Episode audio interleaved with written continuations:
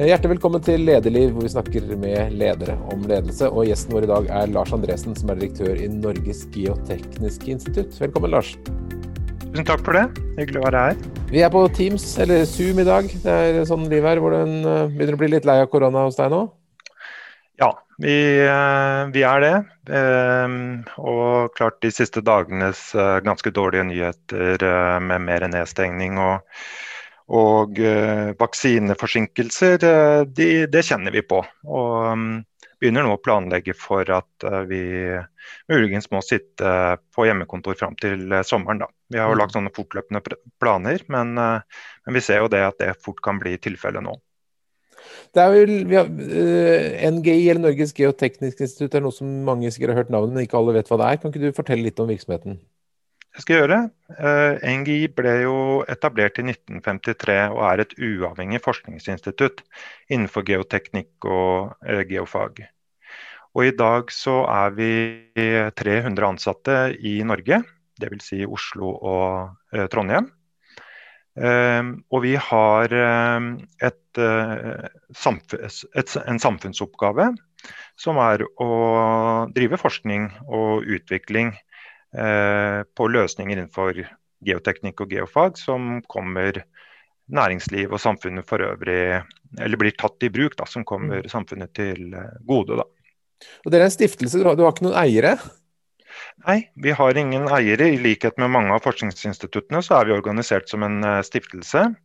Det vi pleier å si er jo at uh, formålet vårt, det er, uh, det er, eieren. Og formålet sier nettopp Eh, noe om denne samfunnsoppgaven, som er å drive forskning og utvikling og kompetansebygging og deling. Eh, også bidra eh, og støtte undervisningssektoren innenfor geoteknikk og geofag i Norge. Mm. Du trenger jo litt inntekter da, for å ha 300 ansatte. Hvordan, hvem er det dere selger tjenester til? Ja, vi, eh, vi har jo i likhet med andre forskningsinstitutter så har vi en liten liten eh, basisfinansiering eh, gjennom Forskningsrådet. Den utgjør for oss ikke mer enn 5-6% av en omsetning på rundt 600 millioner. Så resten av dette må vi, må vi hente da, i markedet. og Det er jo marked for forskning og utvikling gjennom Forskningsrådet og EU f.eks. Eh, men også oppdragsforskning for næringsliv og det offentlige i eh, Norge og internasjonalt. Vi har en eksport på over 30 eh, og, eh, og i tillegg så driver vi forskningsbasert rådgivning også i Norge og, mm. og, og internasjonalt. Da, innenfor flere av våre virksomhetsområder. Ja, for dere har kontor både i, både i Houston og i Perth, Australia? Ja, vi har, eh, har ca. 25 ansatte i hver av de to kontorene. Og de, eh, de jobber under det området vi eh, som heter offshore energi hos oss. Da. Og det handler om kartlegging av si, sjøbunnen og grunnen til havs sine egenskaper. Også løsninger for fundamentering av mange typer infrastruktur til havs. Det, det, begynte jo for NGI med å følge utviklingen av eh, olje- og gassutbyggingen i norsk eh, sektor. Så vi var med på I 1970 så var vi med og, og hadde fundamenteringsløsninger for Ekofisk-tanken, som var virkelig den første store uh, betongkonstruksjonen i Nordsjøen.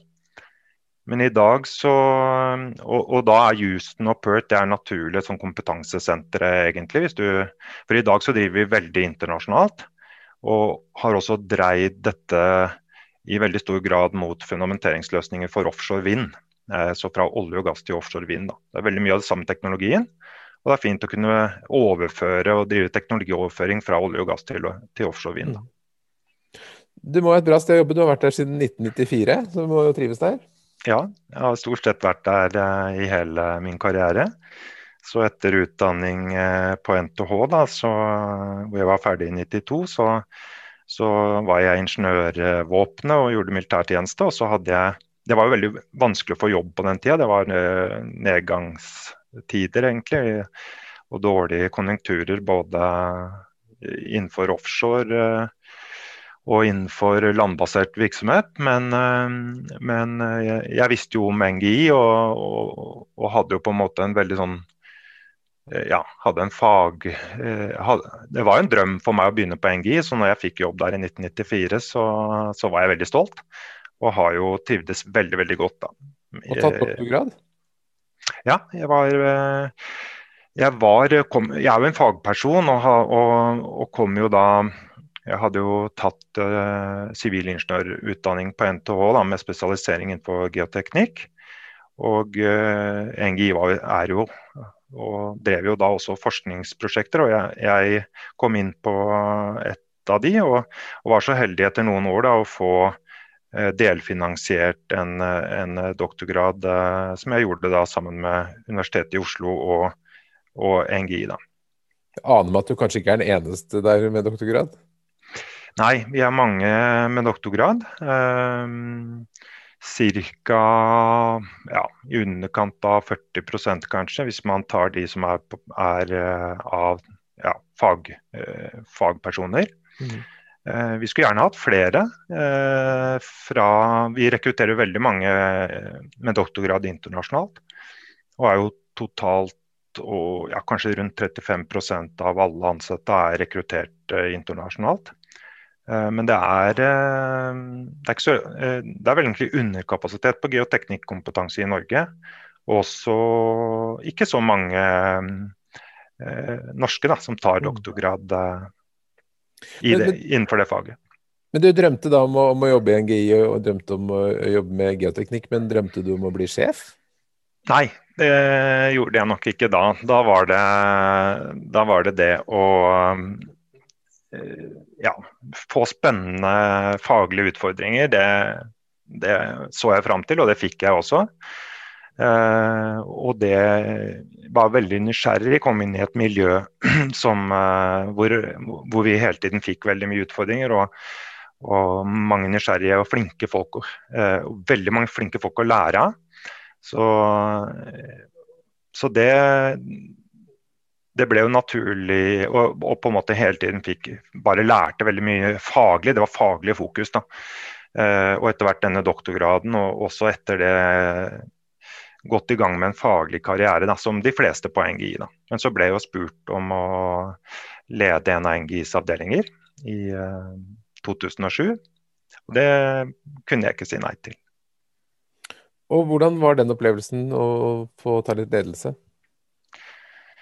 Ja, det var uh, litt brått og brutalt, kanskje. Jeg, uh, jeg, hadde jo da drevet en del prosjektledelse. Uh, men det å få personalansvar og på en måte resultatansvar for en hel avdeling, det var jo eh, Ja, det var ikke noe jeg var eh, så veldig godt Jeg hadde jo ikke noe utdanning på det og var ikke så veldig godt eh, eh forberedt på det. Men eh, jeg syns jo det var også veldig interessant og lærerikt. Og gjorde sikkert eh, mye, eller jeg vet jeg gjorde mye feil i starten, men lærte også fort og syns hele tiden at det var veldig ja, morsomt og interessant. da. Hvilke feil var det du gjorde som du har lært av? Eh, nei, jeg var uh, Jeg hadde jo ikke sånn veldig mye formening om Jeg hadde mye meninger om hva jeg ville få til, uh, og hva, uh, hvilken vei vi skulle gå. Og hvilke, hva som var viktig å få til av endring. og det var, det var både den gangen og når jeg senere ble spurt om å søke som på administrerende direktørjobben, da, så var det veldig viktig for meg på en måte å gå opp for meg selv. Eh, ja, har du, har du, lyst til å Hva er det du har lyst til å få til? Hva er det du har lyst til å endre? Men, eh, men den gang så hadde jeg ikke så mye formening om hvordan jeg skulle gjøre det.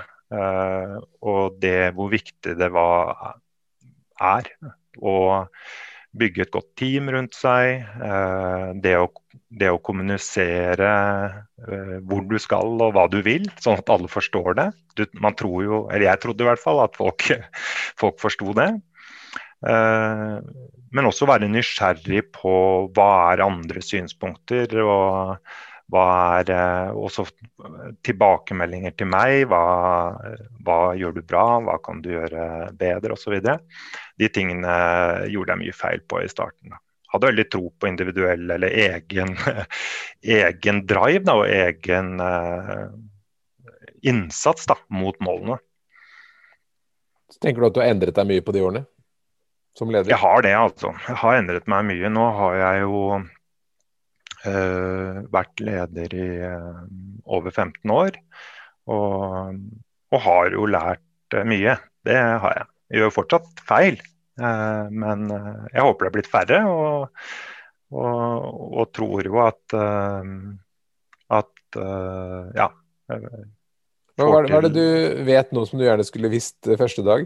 Hvis du hadde besøkt deg selv første dag som avdelingsleder? Det var kanskje nettopp det jeg nevnte, at uh, det å være Altså lytte ut andre, hvilke synspunkter de har. Jeg var nok der at jeg regna med at folk sa fra Eh, hvis de var uenige, f.eks. Eller eh, hvis de hadde viktige ting de eh, mente, mente skulle på bord i forbindelse med en beslutning. Men det har vi lært at sånn er det jo ikke. Folk holder jo ofte tilbake. Og du må være ganske aktivt da.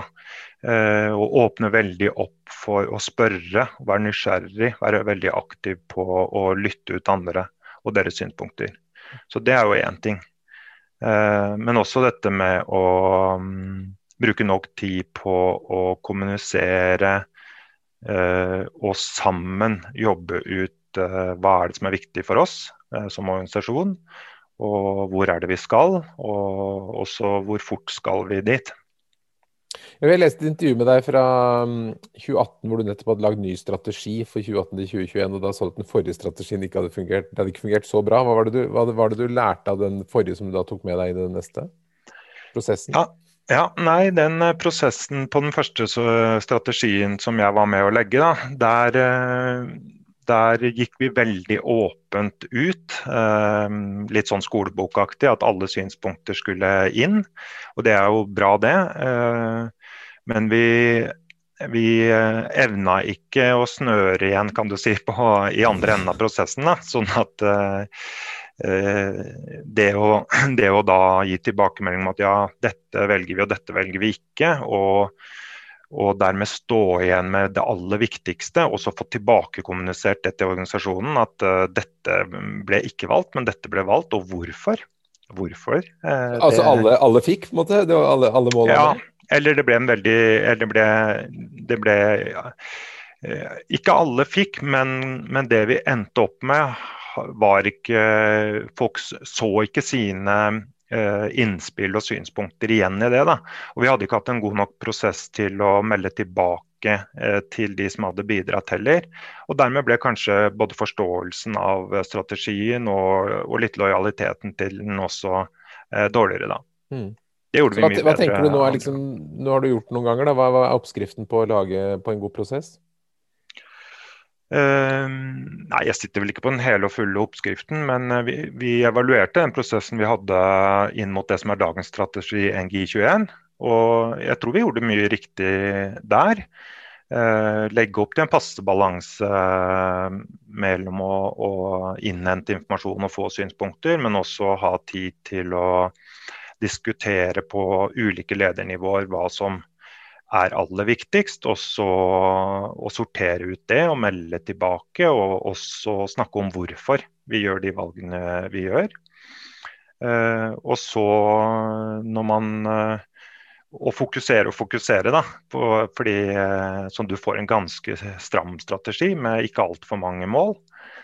Uh, og så når den er uh, ferdig, bruke veldig mye tid til å både vise uh, i ulike sammenhenger og, og, snakke om hvor vi skal og hva, hva, som ligger i strategien.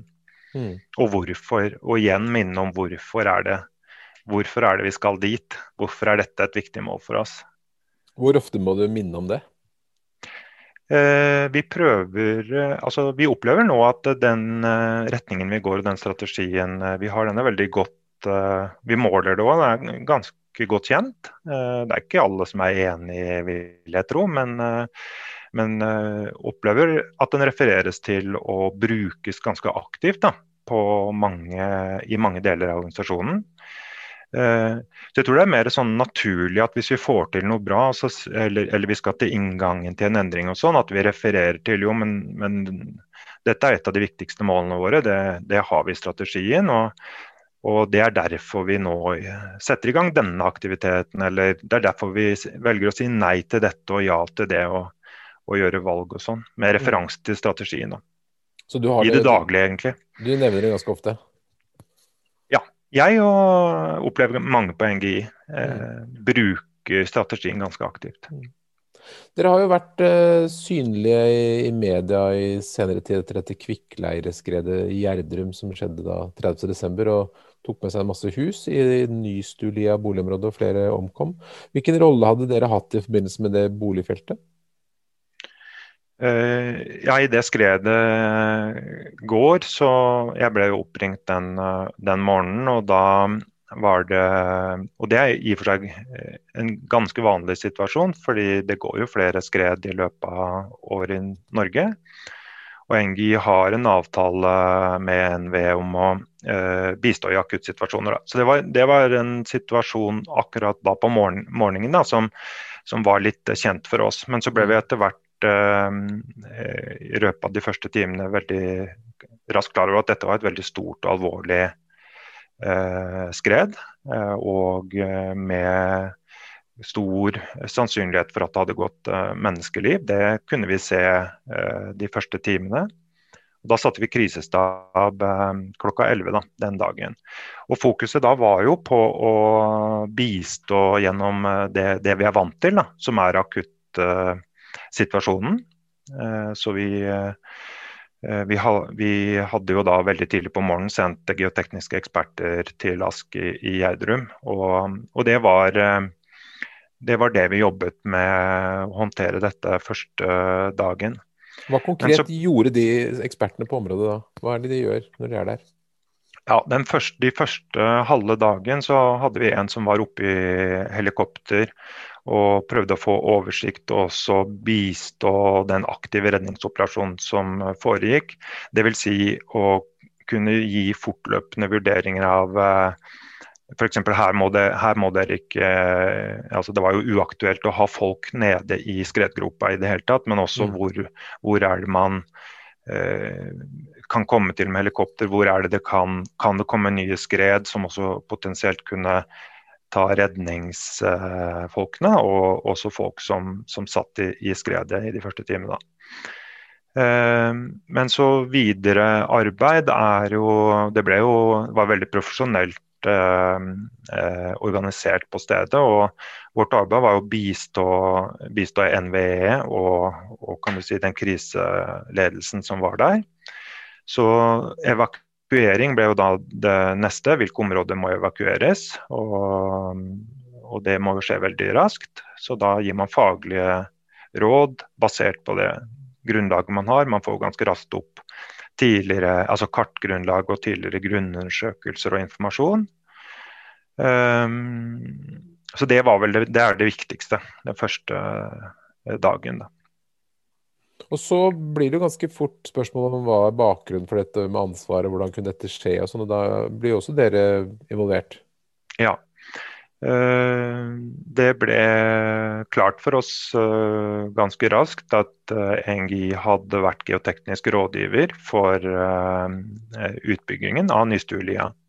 Og også noen tiltak for eh, den golfbanen som Gjerdum golfbane, som også ligger i, ligger området. Eh, det, det, er ikke en helt ukjent situasjon det heller, fordi NGI jobber jo veldig mye i vanskelige grunnforhold. Og, og hvis man ser liksom historisk, så har vi jo vært inne i flere prosjekter ofte i områder hvor det er kvikkleire. Men her var det, var det jo direkte Eh, rådgivning knytta til de bolighusene som var tatt av skredet. Da. Og Det ble også da viktig for oss å håndtere. Eh, fortsatt så var det jo aller mest viktig å, eh, å ha ressurser og gjøre en god jobb i akuttsituasjonen.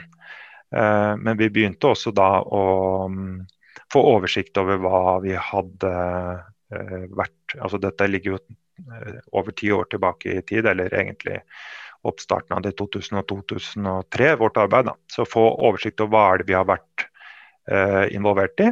Eh, hvilke leveranser har vi hatt, hvilke rolle og ansvar har vi hatt. Det, det jobba vi mye med de første dagene. Mm. Hvordan følte du det? Blir du, blir du, redd for at dere har ansvar, eller har du dårlig samvittighet, eller hvordan, hvordan er følelsene dine rundt det? Nei, ikke dårlig samvittighet. Eh, og det, men det man eh, alltid må holde åpent, og selvfølgelig også fortsatt holder åpent, da, det er at man har gjort eh, svake eller altså har gjort feil. Da. Det tror jeg alle organisasjoner i en sånn situasjon må holde åpent. Nå, nå har Vi gått, eh, vi gjorde jo raskt da en intern gjennomgang av det arbeidet vi hadde gjort. Og, og eh, fant ut at eh, så langt vi kan se, så er det gjort på en, på en bra måte, faglig forsvarlig og, og, i henhold til de krav og retningslinjer som, som uh, var gjeldende. Og Det har vi jo gått ut og sagt, men, men, men utover det så, så, er vi veldig bevisst på ikke å ha noe mening om altså finne, altså Årsaken til skredet, det, det skal jo andre jobber med, og også, også hva kunne vært gjort annerledes. Hva kan eh, alle parter som uh, jobber med byggesaker i uh, plan- og byggesaker i kvikkleire, må være åpne for at man finner læring i, i dette som har skjedd på Gjedrud. Mm. Hvordan virket den hendelsen på, på organisasjonen og på medarbeiderne? Uh, først så uh, virker det slik at vi har en enorm mobilisering. En enorm handlekraft. Uh, dette var jo ferietid, og um, folk var på hytter og hadde sett fram til å feire nyttår med, med familie. I hvert fall litt færre folk kanskje enn vanlig for mange, men, men det vi ser er jo at vi mobiliserer veldig mye ressurser. Um, og det, det, er jeg veldig stolt av. Eh, våre folk og geotekniske eksperter og andre fagfolk stiller opp eh, når sånne situasjoner skjer. Mm. Eh, så begynner sikkert uh, som fagfolk så begynner man å spekulere i hva kan ha skjedd osv. Så, videre. Eh, så det, den diskusjonen går jo eh, internt.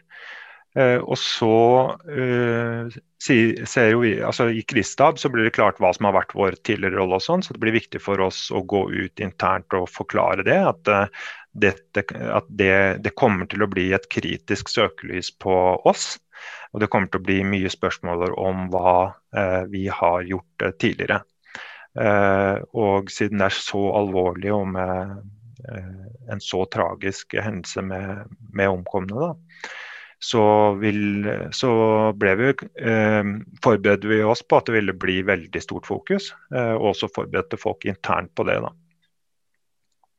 Også eh, snakket med de som En ting som er særlig viktig, det er at det er jo enkeltpersoner som står og jobber i disse prosjektene. Og selv om det er NGI som organisasjon som står bak og leverer eh, resultater, så er det jo prosjektledere og de som kvalitetskontroll og sånn, de signerer jo på rapportene. Rapporten er offentlig. Så vi var også bevisst på at de, de navnene f.eks. kunne bli eh, henvist til da, i, eh, i media.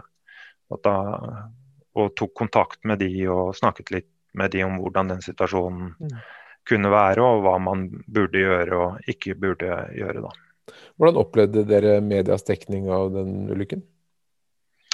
Eh, vi opplever vel den som eh, ja, god og naturlig. Det var en veldig altså en samfunnskatastrofe for Norge. Med med at media har eh, Media dekker det veldig bredt, og også eh, begynner å stille kritiske spørsmål og sånn. Det, det, ser vi som helt naturlig, og mm. opplever det egentlig som, som, bra.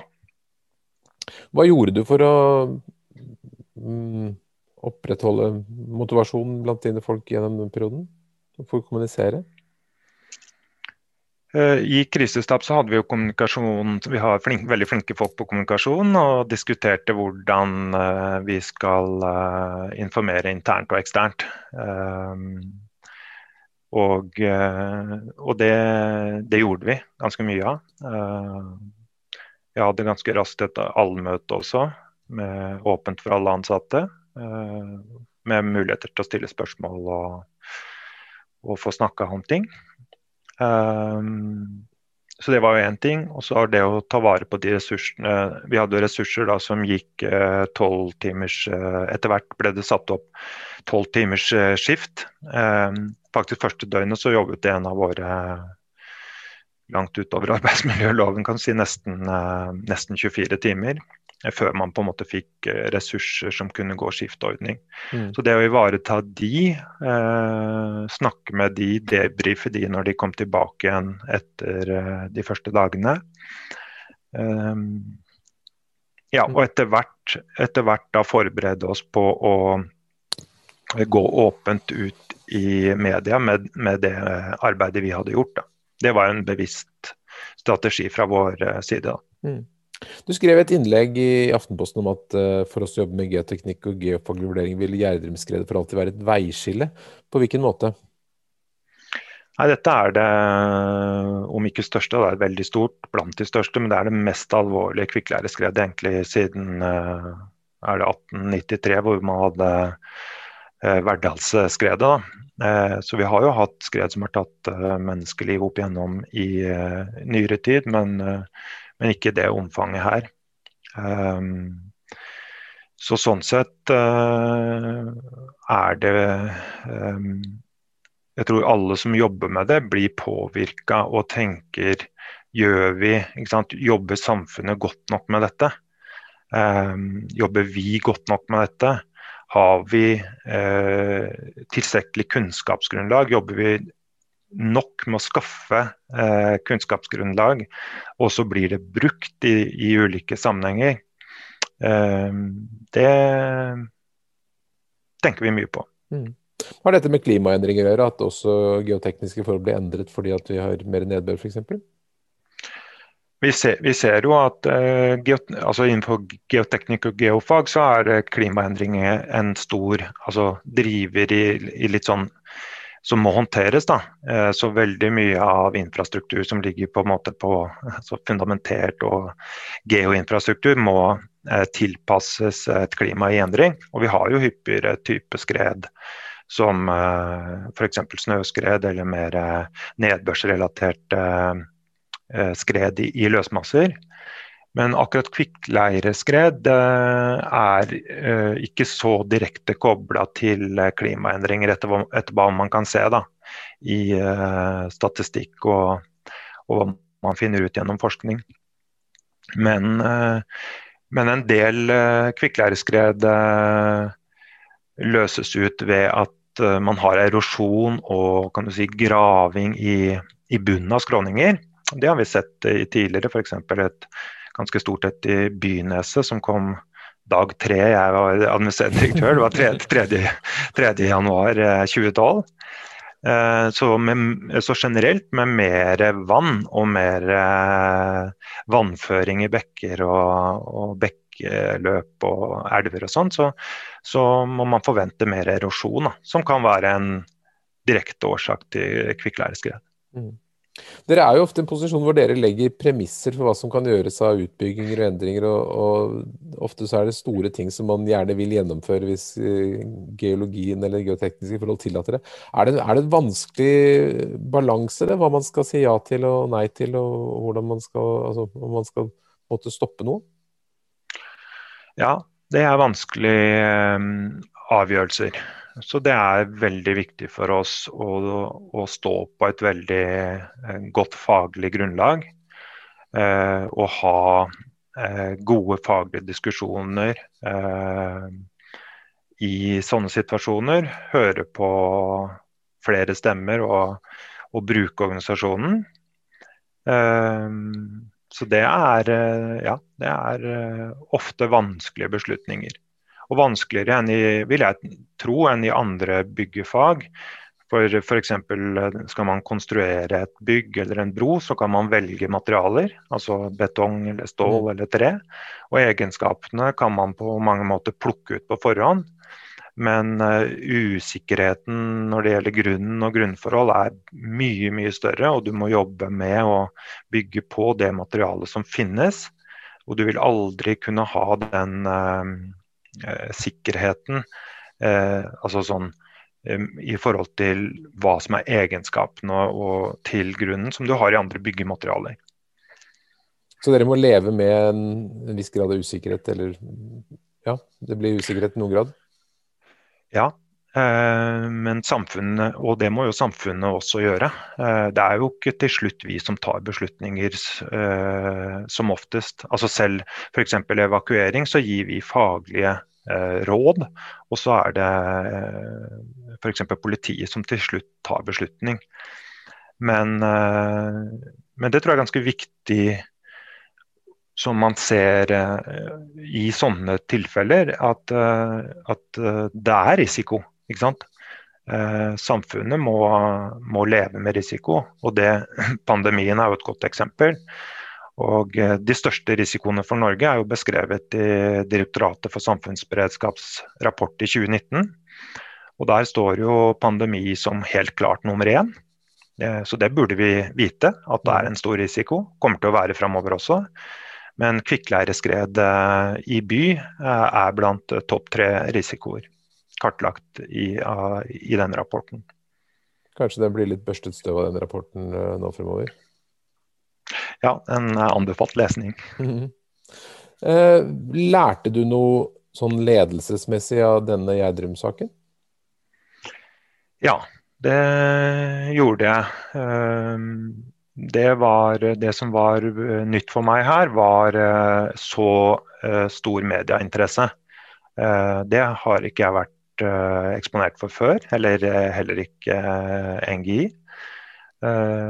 Så det å det å forberede seg på det, og også på en måte virkelig anerkjenne at det er en viktig del av, av hele bildet, Eh, og velge ut eh, en strategi for hvordan du skal møte det som man vet blir mye spørsmål, og mye kritiske spørsmål også.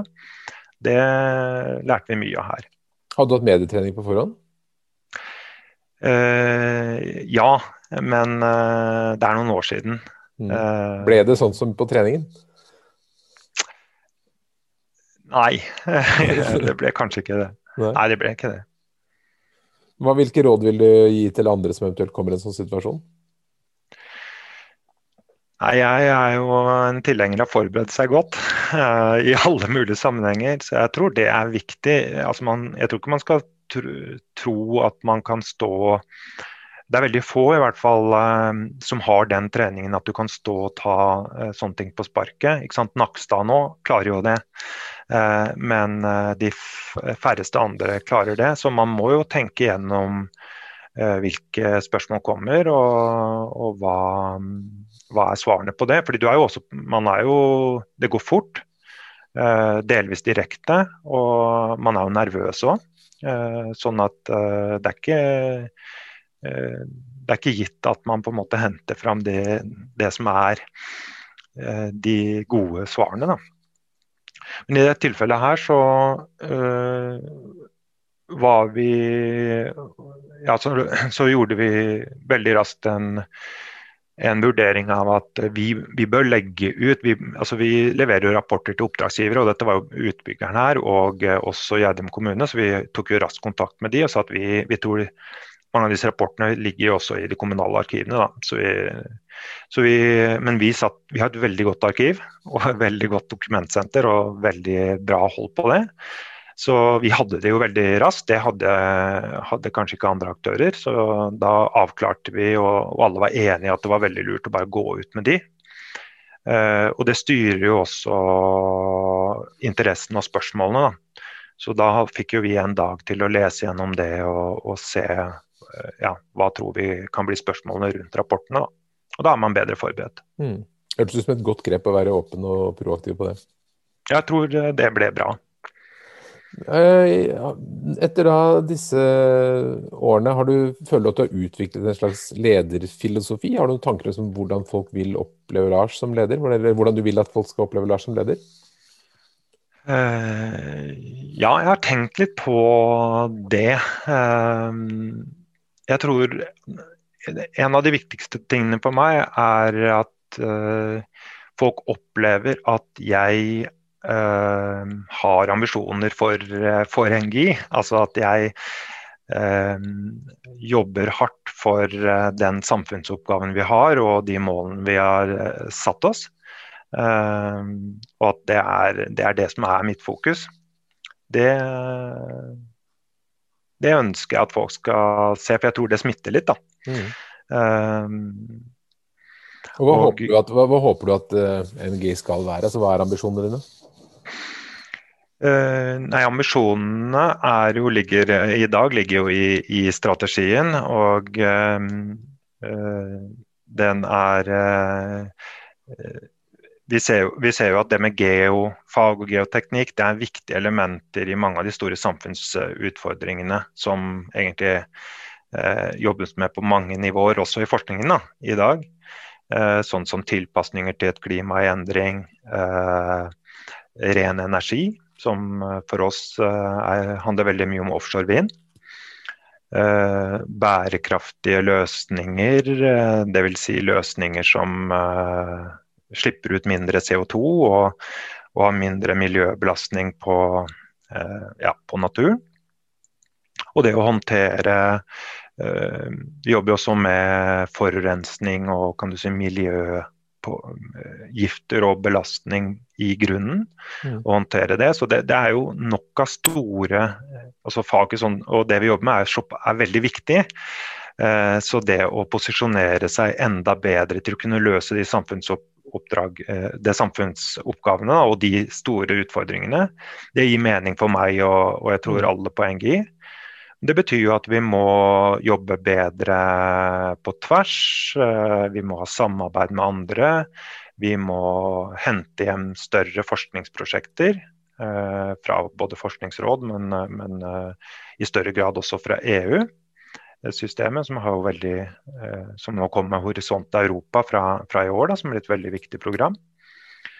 Eh, også digitalisering og innføring av ny teknologi. Det er et veldig viktig eh, del av hvor mm. NGI skal. Fordi det blir, det blir så sentralt i, i løsning av alle oppgaver framover. Så dette er de store, de store, Ja, det var flere. Jeg må bare nevne en annen stor ting. Fordi, fordi vi, eh, vi, utvikler jo en, altså skal utvikle eiendom på egen tomt. Eh, et prosjekt som, eh, som er også etter hvert sterkt knytta til utvikling av innovasjonsdistriktet Oslo Science City, da, som går fra Majorstua og inkluderer inn mot Ullevål stadion, da, hvor, vi, hvor vi ligger. Så Der planlegger vi å bygge Campus Ullevål, som blir et moderne og stort Eh, forhåpentligvis da, eh, bygg som skal romme forskning og, og, nær, og kunnskapsintensivt eh, næringsliv. Da. Så det er et viktig prosjekt for oss. Spennende. Men sånn, utover at du da har de ambisjonene og viser det til medarbeidere, hvordan ellers vil du at de skal oppleve deg i det daglige? Jeg, jeg, håper at de skal oppleve at eh, jeg har tillit eh, til de. Eh, og at de har frihet til å utvise handlekraft og ta tak i de målene vi har satt oss. Og at jeg er tilgjengelig og mm, veldig mottagelig for synspunkter og tilbakemeldinger om hvordan vi skal gjøre vår jobb, og hvordan jeg skal være som leder. Det, det har vært en svakhet hos meg eh, ganske lenge som leder. Eh, ting som jeg er blitt mer opptatt av de siste årene, egentlig. Men dette med tilgjengelighet er jo noe som alle ledere sliter med, for kalenderen blir jo fort så veldig full. Hvordan, har du noen triks for å få tidskabalen til å gå opp? Uh, ja, jeg har veldig mange andre interesser enn en jobben, så jeg er ganske bevisst på å bruke tid på det.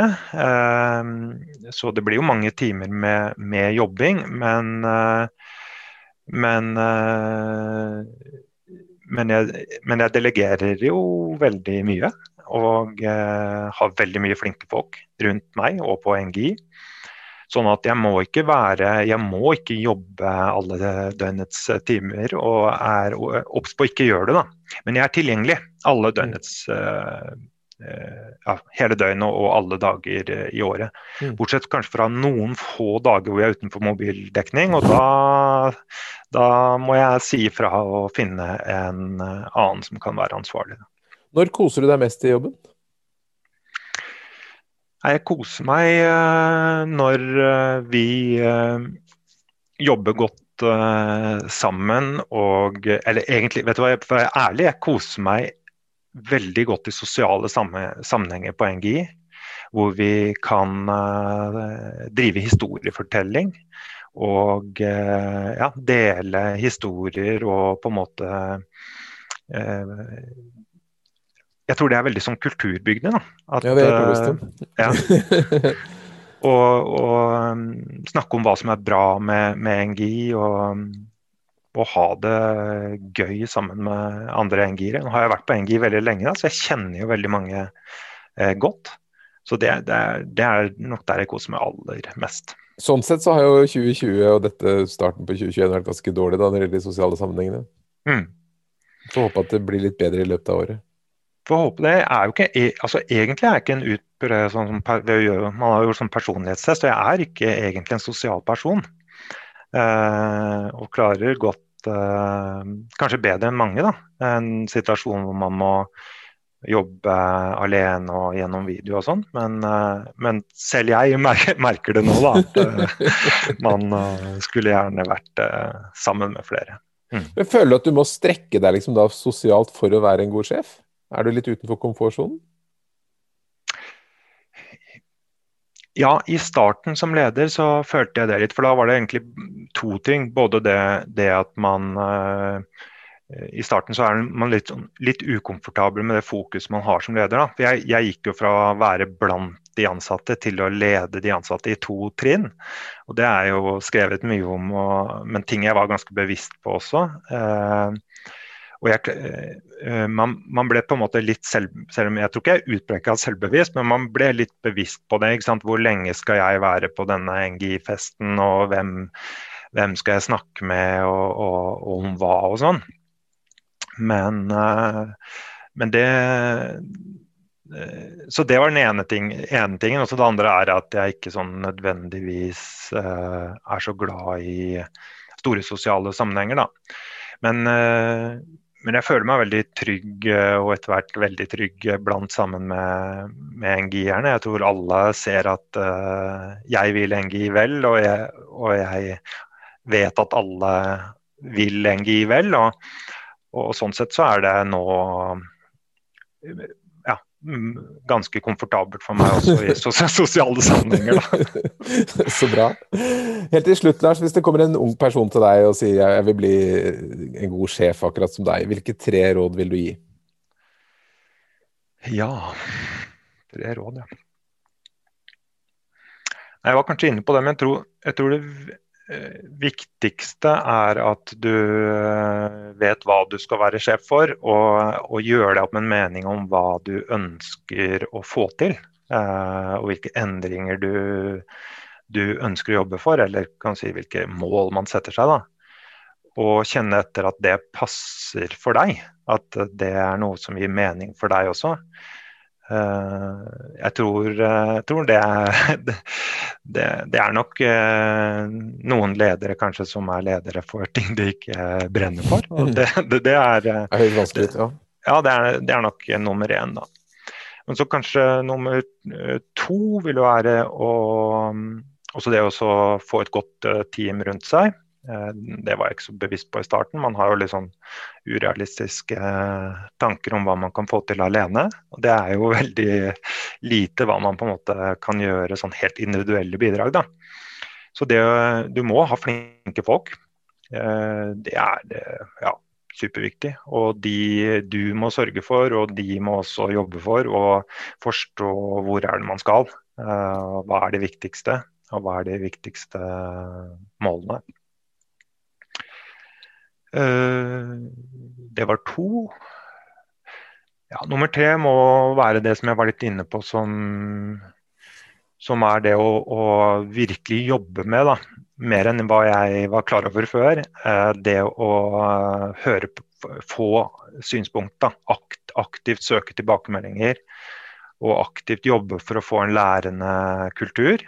Eh, både, både liksom sånn i systemer og det generelle, men også hvordan du utøver ledelse sjøl. Eh, det ligger jo veldig mye gull i å få høre hva man kan gjøre bedre. Eh, det, trenger, det trenger man jo. Mm. Man har mange blind, blindsoner. Det var en god oppsummering. Det høres ut som du har eh, flyttet deg ganske mye som leder på de årene. Det var spennende å snakke med deg. Hjertelig tusen takk for at du kom til Lederliv, Lars Andresen. Tusen takk for det. Lederliv er en podkast fra kommunikasjonsbyrået Apeland. Vi kommer med nye sendinger hver fredag.